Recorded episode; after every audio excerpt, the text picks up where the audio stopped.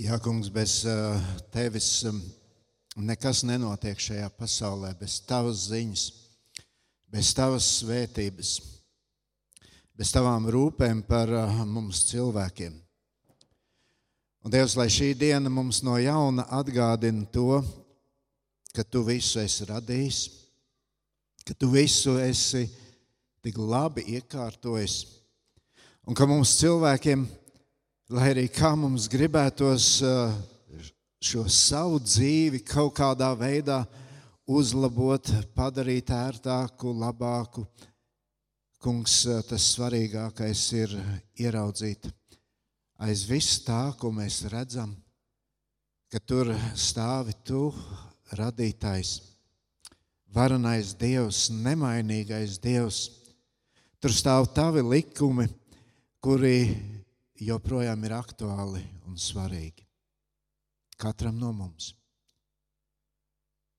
Dievs palīdz mums to šajā dienā atkal no jauna ieraudzīt, saprast un pieņemt.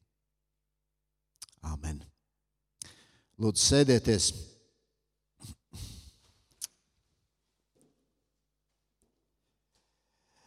Kā ģimene sapulcējās kopā pie vakariņām.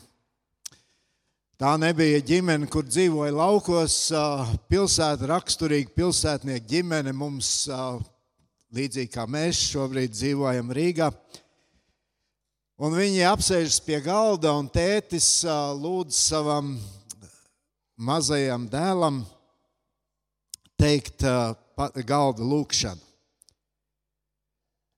Šis zēns ilgi klusēja skatījās uz to, kas ir, ko mamma ir sagatavojusi un likusi galdā.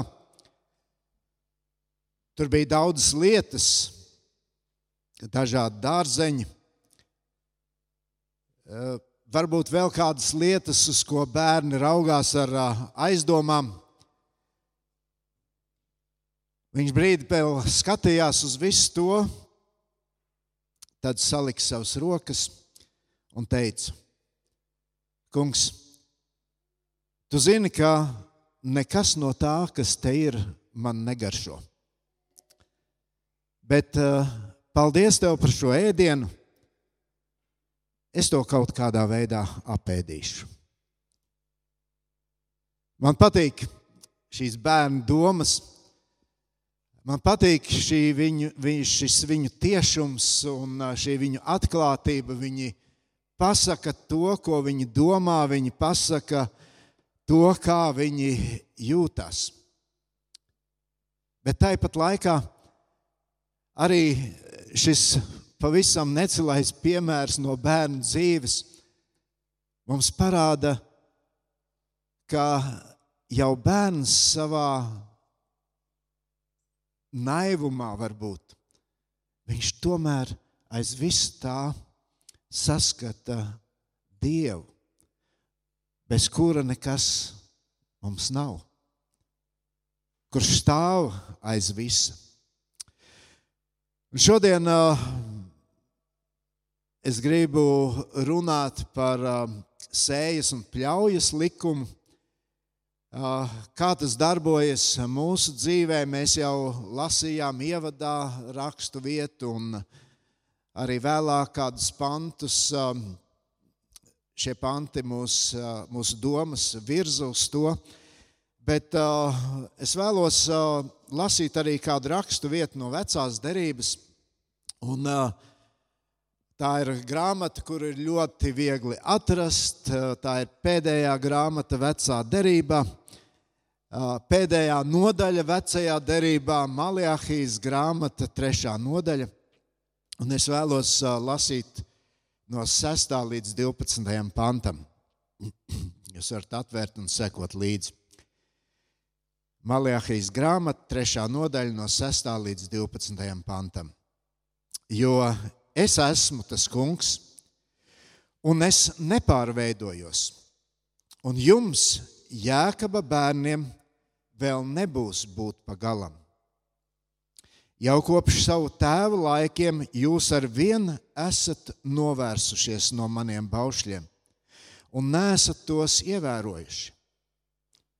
Tad, nu, atgriezieties tagad pie manis, un arī es gribu atgriezties pie jums, saka tas kungs Cēbots. Tad jūs atkal sakāt, kā tad mēs lai atgriežamies? Vai ir pareizi, ka cilvēks krāpj dievu, kā jūs mani krāpjat? Vai tad jūs tad sakāt, kā tad mēs tevi krāpjam? Ar desmito tiesu un labprātīgiem upuriem. Tādēļ jau jūs esat nolādēti, tā kā viss krīt jums no rokām un iet jūsu rokās bojā, jo jūs visi vienā kopā cits pār citu mani krāpjat. Bet atnesiet katrs savu desmito tiesu pilnā vērtībā, manā klētī tā, lai arī manā mājā būtu barība, un pārbaudiet tad mani šai ziņā, saka tas kungs Cēbots. Vai es arī neatvēršu debesu logus un nelikšu svētībai pa tiem pārpilnībā nolīt pār jums? Un es padzīšu jums palīdzēdams rīīgo postītāja kukaini no jūsu labības laukiem lai viņš tos neizposta, un lai koks jūsu vīnu dārzā jums nebūtu neauglīgs, saka tas kungs Cēbots. Lai arī visas tautas jūs daudzinātu par svētlaimīgiem, jo jums pašiem būs lielu, jo jums pašiem būs lielu labumu un augstas cieņas pilnais zemē būt, saka tas kungs Cēbots. Es domāju, daudzi šo rakstu vietu pazīst, un es šajā rītā gribu sasaistīt to ar mūsu domām, domājot par sējas un pļaujas likumu. Jo mēs šodien svinam šos pļaujas svētkus, jeb pateicības svētkus. Man liekas, ka Rīdzniekiem tā pļauja varbūt tikai tādām acu skatīšanai, vai ne, ka mēs kaut kur braucam, redzam, tur kaut ko cilvēki dara, kaut kādu ražu viņi ievāc, un mēs vairāk to redzam, aizejot uz veikalu un iegādājoties. Bet pateicības diena. Es domāju, tas, šis vārds ir tāds atbilstošs arī tam, par ko mēs domājam. Mēs jau Bībele mūs aicina būt pateicīgiem. Pateicīgi, esiet pateicīgi par visu, Bībele saka. Bet šis laiks, rudens, ko mēs piedzīvojam, tas, protams, ietver arī to, ka mēs pateicamies Dievam par zemes augļiem, par viņa rūpēm, par mūsu dzīvību. Bet, eh, ja mēs domājam tā plašāk, tad eh, Dievs eh, radot debesis un zemi, Viņš ir iedibinājis kādus noteiktus likumus, kas kā tādi balsti uztur šo viņa radīto pasauli. Un tāds negrozams, varētu teikt, pat matemātisks likums ir tas, ka, lai tiktu pie augļa, tad ir jāiesēj kāda sēkliņa. Un arī tas, ko mēs lasījām nedaudz mirkļus atpakaļ, šis diev, šī dieva vārda vēsts, arī tur iet runa par to, kaut kas tiek iesēts, tas aug, un galu galā tas nes augļus. Un sējējs, kurš šo sēklu ir iesējis, tad var vai nu ar prieku, vai ar, es gribētu teikt, ar skumjām arī ievākt. Bet uh, svarīgi ir saprast, ka tas rezultāts, kādu mēs saņemam, ir izrietošs no tā sākuma. Tas auglis ir izrietošs no tās sēkliņas. Šis ir Dieva likums, kurš darbojas laicīgajā dzīvē, kurš darbojas mūsu garīgajā dzīvē, visā mūsu dzīvē. Mateja evanģēlijā ir uh, šī līdzība par to, ka kaut kas mazs, kaut kas pavisam niecīgs, tur mēs lasām sinepju graudiņš. Tas pārtop par kaut ko lielu, neizsakām lielāku, nekā mēs pirms tam esam turējuši rokā. Un, ja mēs skatītos tur nedaudz iepriekš, tur Jēzus, Jēzus runā par to, kas notiek dabā. Tur ir labība, kur tiek iesēta, tur ir nezāles, kuras arī kāds varbūt izsēja, kuras pašas izsējās. Tas pats ir arī mūsu garīgajā dzīvē. No kaut kāda maza sākuma rodas lielas, gan labas, gan arī sliktas lietas. Galu galā mēs jau cilvēka dzīvi tā arī uzlūkojam. Kādus augļus tu ievāc? Vai ir, vai tie ir labi augļi, vai tie ir indīgi augļi, nezāles? Bet vienmēr ir vērts mums pašiem sev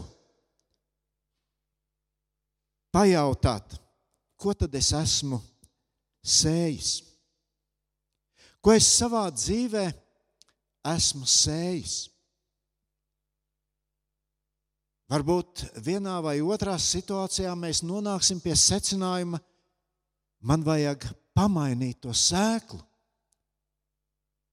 ko es sēju.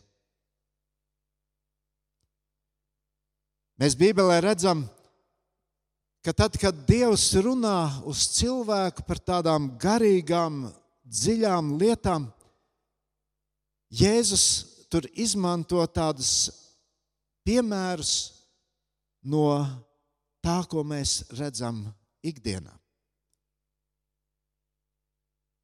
Un it īpaši, ja mēs lasām, mēs Vīlāns draudzē esam gājuši cauri Mateja evaņģēlijā, mēs aplūkojām visas šīs līdzības. Viņš saka, mācieties līdzību. Mācieties līdzību no vīļas koka, kad viņas zaros jau pumpuri metas un lapas plaukst. Tad jūs zināt, ka vasara ir tuvu klāt. Un vēl un vēl. Jēzus uzskaita šīs parādības, ko mēs redzam sev visapkārt. Kāpēc? Iespējams, ka viens iemesls, kāpēc Dievs atkal un atkal šīs lietas cilvēkam atkārto, ir šīs cilvēka šaubas par Dievu. Cilvēka šaubas par Dievu. Tajā pašā laikā cilvēks skatoties, kas ir apkārt un darbojoties savā ikdienā, viņš saprot, darbojas šie dieva iestādītie nesatricināmie likumi. Viņš saprot, no vienas sēkliņas rodas daudz augļu. No mazas ābola sēkliņas izaug ābele tas mazais labības graudiņš. No tā veidojas vārpas, labības vārpa. Un mums cilvēkiem tas liekas tik pašsaprotami. Tas neizraisa mūsos nekādu izbrīnu. Mēs zinām, tā tas ir. Tā tas ir noteikts un tā tas darbojas. Un tad ir vēl kāda lieta, par ko arī Bībele saka, Tas ir nesatricināms likums. Ko sēsi, to pļausi.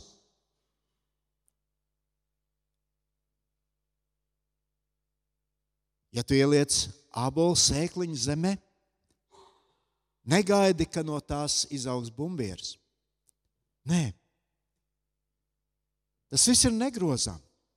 Tas viss ir pašsaprotami. Bet tajā pašā laikā, kad mēs sākam domāt par garīgām lietām, tad nu gan, tad nu gan mēs sākam šaubīties. Un tad nu gan mēs sākam apšaubīt šos dieva likumus, kuri skar mūsu garīgo dzīvi. Jēzus kādreiz teica šos vārdus Jāņa Evangelijā 3.12. Ja jūs neticat, kad es jums stāstu par zemes lietām, kā jūs ticēsiet, kad es jums stāstīšu par debesu lietām? Un es šodien gribu apstāties pie trīs jomām cilvēka dzīvē. Trīs jomas, kur darbojas šie paši dieva iestādītie likumi. Tu pļausi to, ko būs sējis. Ko tu iesēsi, tādus augļus tu arī saņemsi.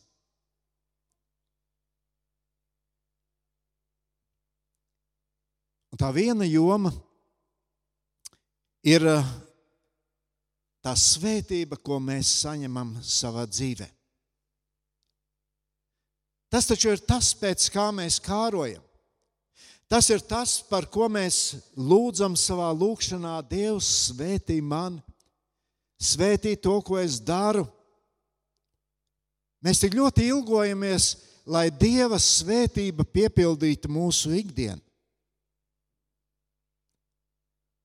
Mēs varētu teikt, tā ir tāda garīga lieta, lai arī izskatās tāda aptaustām.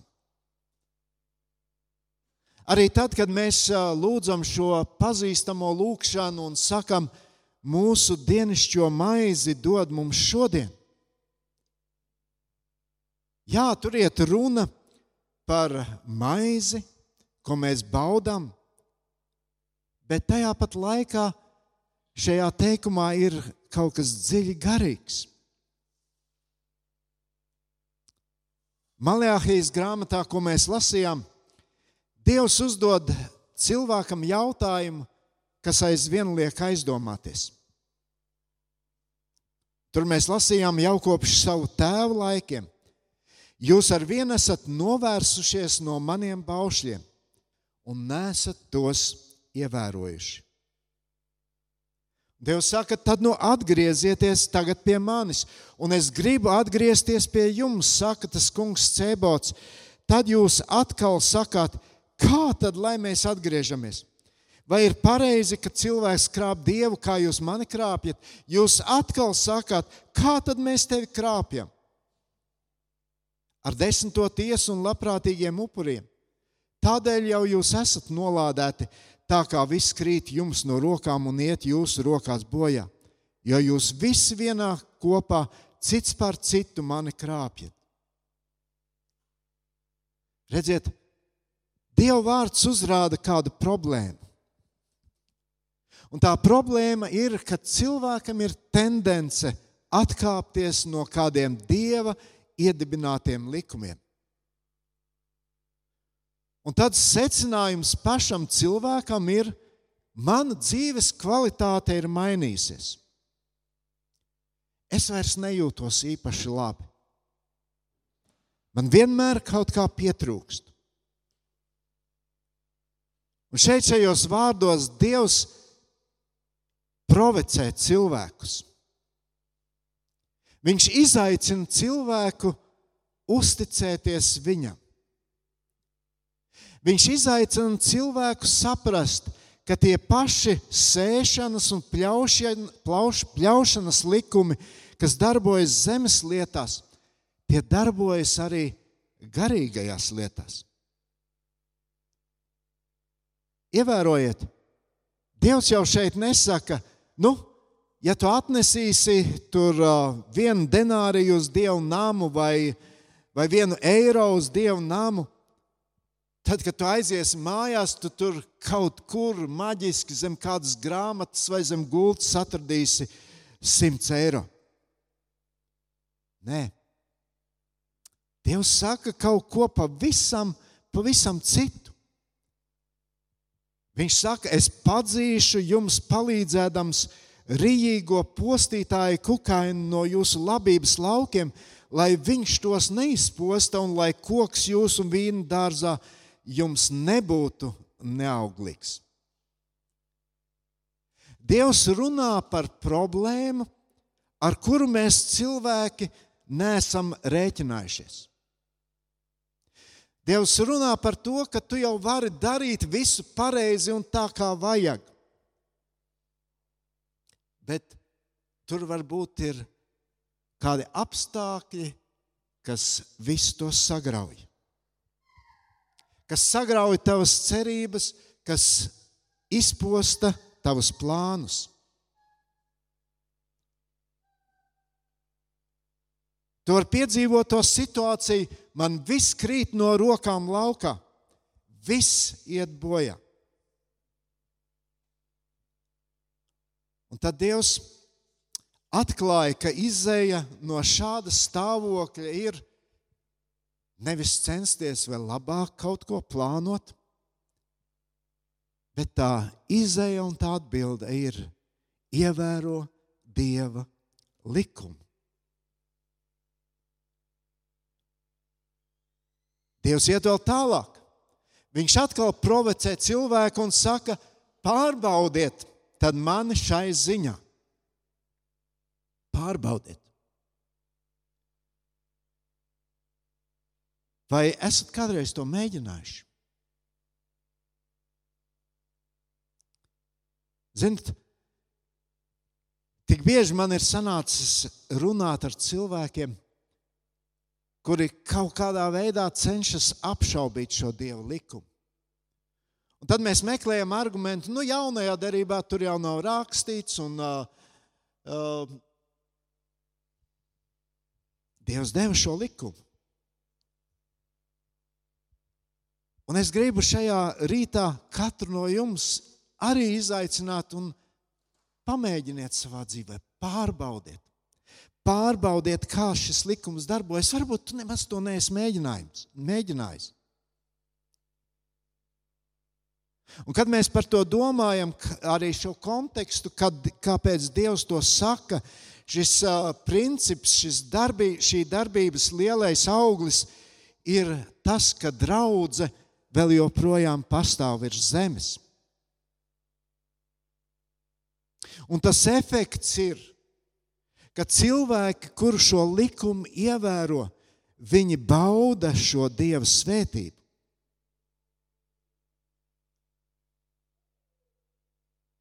Draudze uz šīs zemes netiek uh, uzturēta ar kaut kādām eņģeļu izbārstītām naudas uh, vienībām Nē, ar cilvēku ziedojumiem. Un tajā pat laikā draudzene tā ir vajadzīga cilvēkam, nevis eņģeļiem.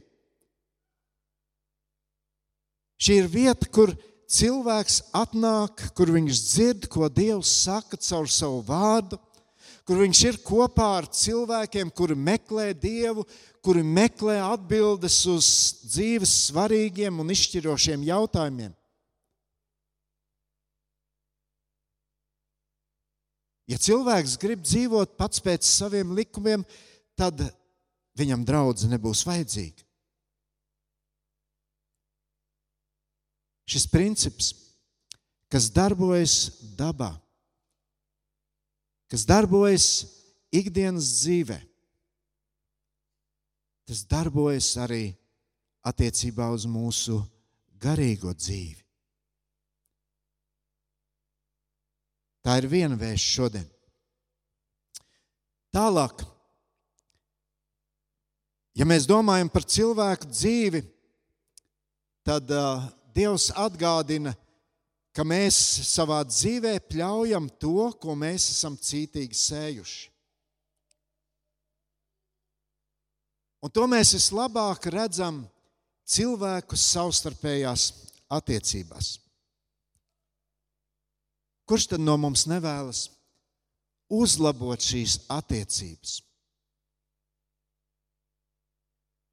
To mēs redzam ģimenēs, To mēs redzam darba vietās, to mēs redzam skolā, to mēs redzam draudzē. Mēs esam līdzās viens otram, un uh, mums ir nepieciešamas šīs attiecības. Bet arī šīs attiecības ir lauks, kurā tiek sēts. Arī šīs attiecības ir lauks, kuras iespējams ir jāravē. Gudrais Salamans saka, pamācībās 12. nodaļā 14. daudz labas jau iegūst vīrs ar savas mutes nopelniem, un cilvēkam tiek atlīdzināts pēc viņa roku veikuma. Un tad vēl viņš saka 18.21. Nāve un dzīvība stāv mēlis varā. Kas mīl savas mēlis māku, tas baudīs no tās augļiem.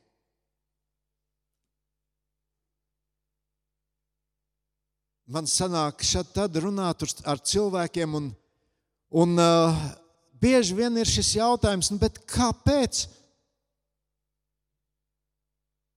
Ir kāds posms kāda cilvēka dzīvē, kur viņš saka, kāpēc cilvēki no manis novēršas?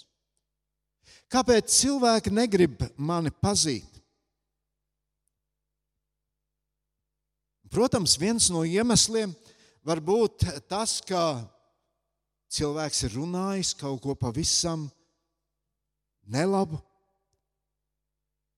Viņš ir izteicis savas negācijas pret citiem. Viņš ir sējis cilvēkos pazemojumu, sarūktinājumu, dusmas. Un tad kādā brīdī tu atskārsti, hei, bet šie ir tie augļi, ko es tagad baudu. Varbūt cilvēks darbā ir bijis priekšnieks un kādu laiku padotie ir eh, bijuši spiesti viņu, viņu paciest, un tad viņš aiziet. Un cilvēki vairs viņu negrib pazīt. Redziet, cilvēciskās attiecības ir viens milzīgs lauks, kurā ikdienas mēs kaut ko nemitīgi sējam.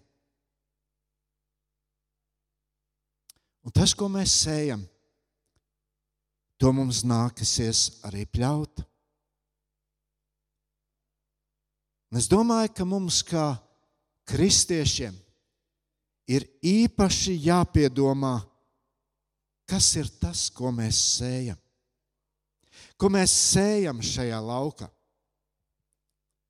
Pāvils vēstulē kolosiešiem, trešajā nodaļā, raksta tā: Tad, nu, kā dieva izredzētie, svētie un mīļotie, tērpieties sirsnīgā līdzjūtībā, laipnībā, pazemībā, lēnībā, pacietībā, ka jūs citu, citu panesat un citu citam piedodat. Ja vienam ir ko sūdzēties par otru, tāpat kā mūsu kungs jums ir piedevis, piedodiet arī jūs. Un pāri visam tam, lai ir mīlestība, kas ir pilnības saite, bet Kristus miers, lai valda jūsu sirdīs, jo tam jūs esat aicināti kā viena miesa. Esiet pateicīgi. Kristus vārds, lai bagātīgi mājo jūsos, pamāciet un paskubiniet citu, citu visā gudrībā, ar psalmiem, himnām un garīgām dziesmām, žēlastībā dziedādami savās sirdīs Dievam.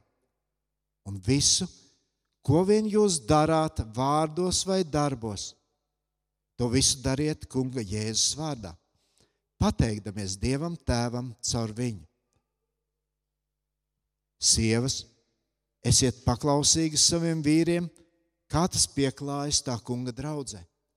Vīri, mīliet savas sievas un nēsiet skarbi pret viņām Bērni, klausiet saviem vecākiem visās lietās, jo tas patīk tam kungam. Tēvi, nekaitiniet savus bērnus, lai tie neto bailīgi. Kalpi, klausiet visās lietās saviem laicīgiem kungiem, nevien acu priekšā kā tādi, kas cilvēkiem grib izpatikt, bet ar neviltotu sirdi Kristus bībā. Visu, ko dariet, dariet no sirds, it kā savam kungam un ne cilvēkiem, jo jūs zināt, ka tas kungs par atmaksu jums dos debesu mantojumu. Jūs jau kalpojat savam kungam Kristum, kas nepareizi darīs, dabūs pelnīto atmaksu. Tur neuzlūko cilvēka vaigu. Ko tu sēji attiecībās ar brāļiem un māsām? Ko tu sēji savā ģimenē, attiecībās ar sievu, vīru, bērniem? Ko tu sēji savā darbā? Ko tu sēji, kad tu satiec kaimiņus? Dieva likums skan, ko sēsi, to pļausi. Un tad vēl ir trešā joma, kur darbojas šie paši sēšanas, pļaušanas likumi. Un tā ir joma, kad mēs varam domāt par uh, savu dzīvi tajā vislielākajā, visplašākajā mērogā, kad mēs domājam par mūžību. Bībele saka, ir mūžīgas debesis un ir mūžīga pazušana. Mūžīgs prieks vai mūžīgs izmisums. Mēs lasījām galotiešiem, nepievilieties, Dievs neļaujas apsmieties. Jo ko cilvēks sēž, to viņš arī pļaus.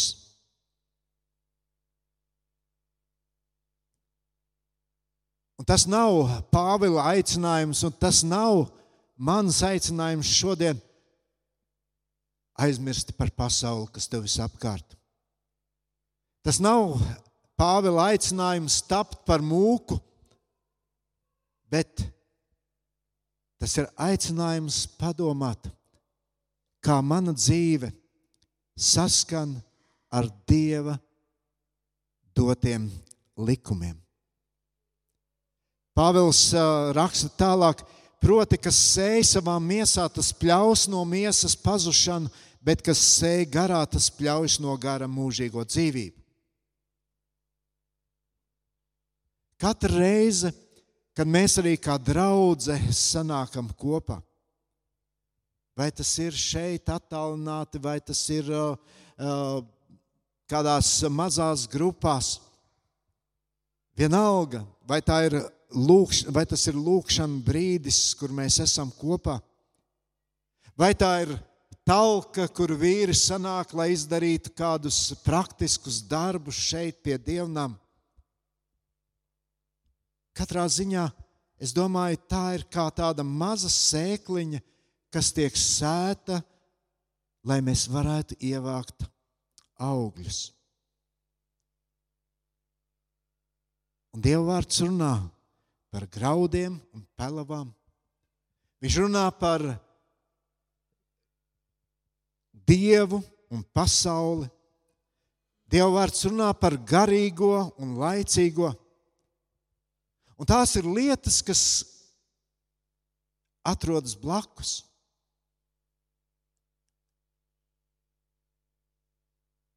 Un mēs cenšamies sēt Un tur, protams, ir mūsu ienaidnieks, viņš arī kaut ko sēja.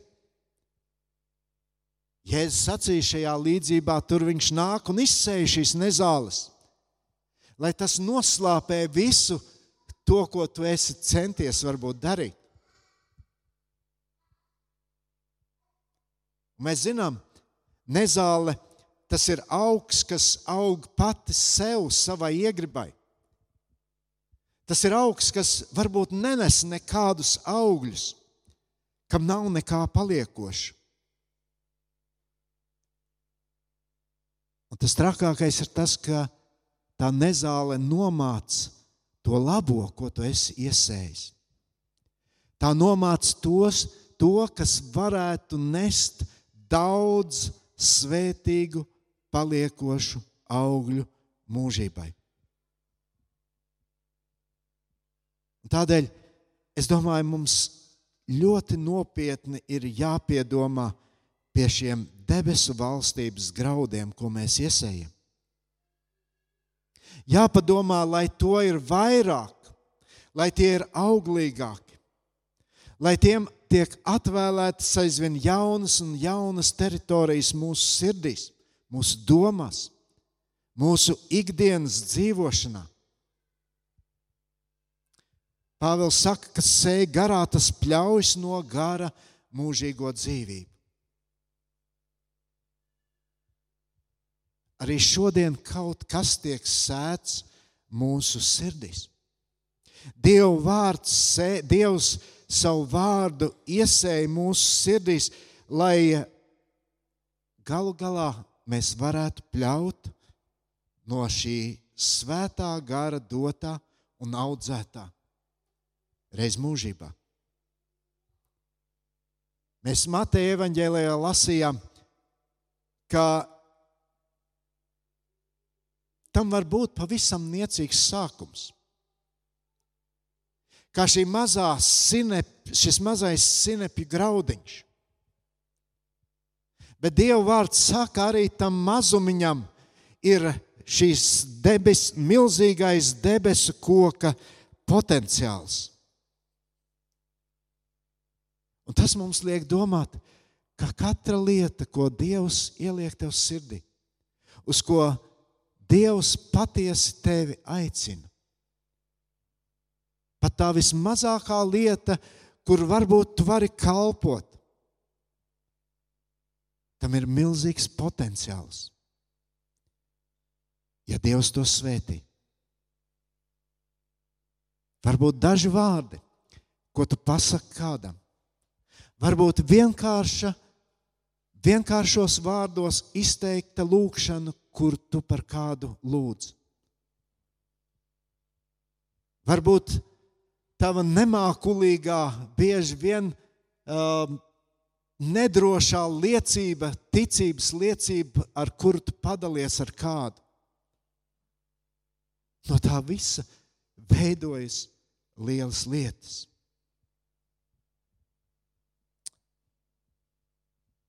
Mēs dzīvojam šajā pasaulē, un mēs saprotam un redzam, ka viss ir balstīts kādos likumos. Arī Dievs ir iedibinājis šos svarīgos likumus priekš cilvēku. Un, protams, cilvēks var dzīvot tos ignorējot, bet cilvēks var dzīvot arī tos ievērojot. Un atšķirība vienīgi būs redzama tajā ikdienas dzīvēm Atšķirība būs redzama mūsu attiecībās, un, attieci, un šie augļi tie būs redzami arī mūžībā.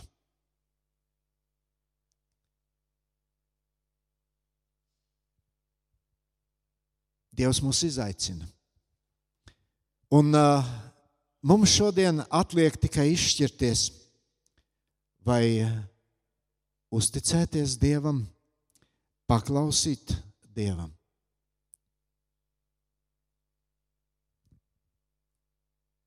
Dievs mūs aicina sākt ar to mazumiņu. Un uh, mēs varam no šīs Dieva dotās sēklas, ko mēs esam saņēmuši savā dzīvē, to lietot ar ticību lietot un piedzīvot, ka tie augļi, tie ietiecas debesīs. Piedzīvot jau šajā dzīvē to, ka manā dzīvē ienāk šis miers, šī harmonija un šis līdzsvars. Kad es saprotu, varbūt man dzīvē šad un tad kaut kas misējas un uh, Un tomēr es esmu uzticējies Dievam. Un Dievs mani nekad neatstāja.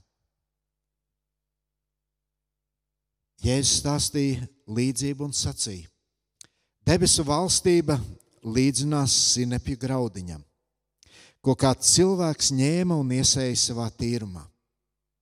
Šī ir gan mazākā no visām sēklām, bet kad tā uzaug, tad tā ir lielāka par citiem dārza stādiem. Un to par koku, tā kā putni apakš debes nāk un taisa līgzdas viņa zaros. Un tāpēc šajā pļaujas svētku dienā es katram no jums gribu teikt, varbūt drusku pretēju lietu, lai bagātīga sēja mums katram turpmākajās dienās un laikā, ko Dievs ļaus piedzīvot. Lūksim Dievu. Devis Tēvs, paldies Tev, kad mēs varam dzīvot šajā pasaulē un, un tik daudzkārt piedzīvot, ka tas, kā Tu esi šo pasauli radījis, Tas ir tik pietiekoši un labi priekš mums cilvēkiem. Tas, ko tu esi devis cilvēkiem, tas ir tik svarīgi un uh, nozīmīgi priekš mums. Es gribu lūgt, kungs, lai, pie, lai tu piedod man lai tu piedod mums visiem, ka bieži vien mēs to savu gudrību, to savu ieceri nostādām kaut kur augstāk pāri visam un aizmirstam, ka arī mūsu dzīvē darbojas šis negrozāmais likums. Un Dievs, es lūdzu, lai eh, tas, ko mēs varam sēt, gan eh, attiecībā paši uz savu dzīvi, gan eh, attiecībās vienam ar otru, gan galu galā mūžībai. Lai Dievs tas uh, iet roku rokā ar to, kā tu to esi vēlējies, kā tu to esi noteicis. Palīdz mums neizgudrot kaut ko jaunu, tur, kur tas nav jāizgudro. Dievs, paldies par Tavu vārdu, kurš mums atkal to atgādina un palīdz mums to arī pieņemt. Un, jā, Dievs, paldies par šo izaicinājumu kur tu caur, vārdu, caur savu vārdu mums katram šajā dienā arī līdz priekšā. Paldies tev par to. Amen.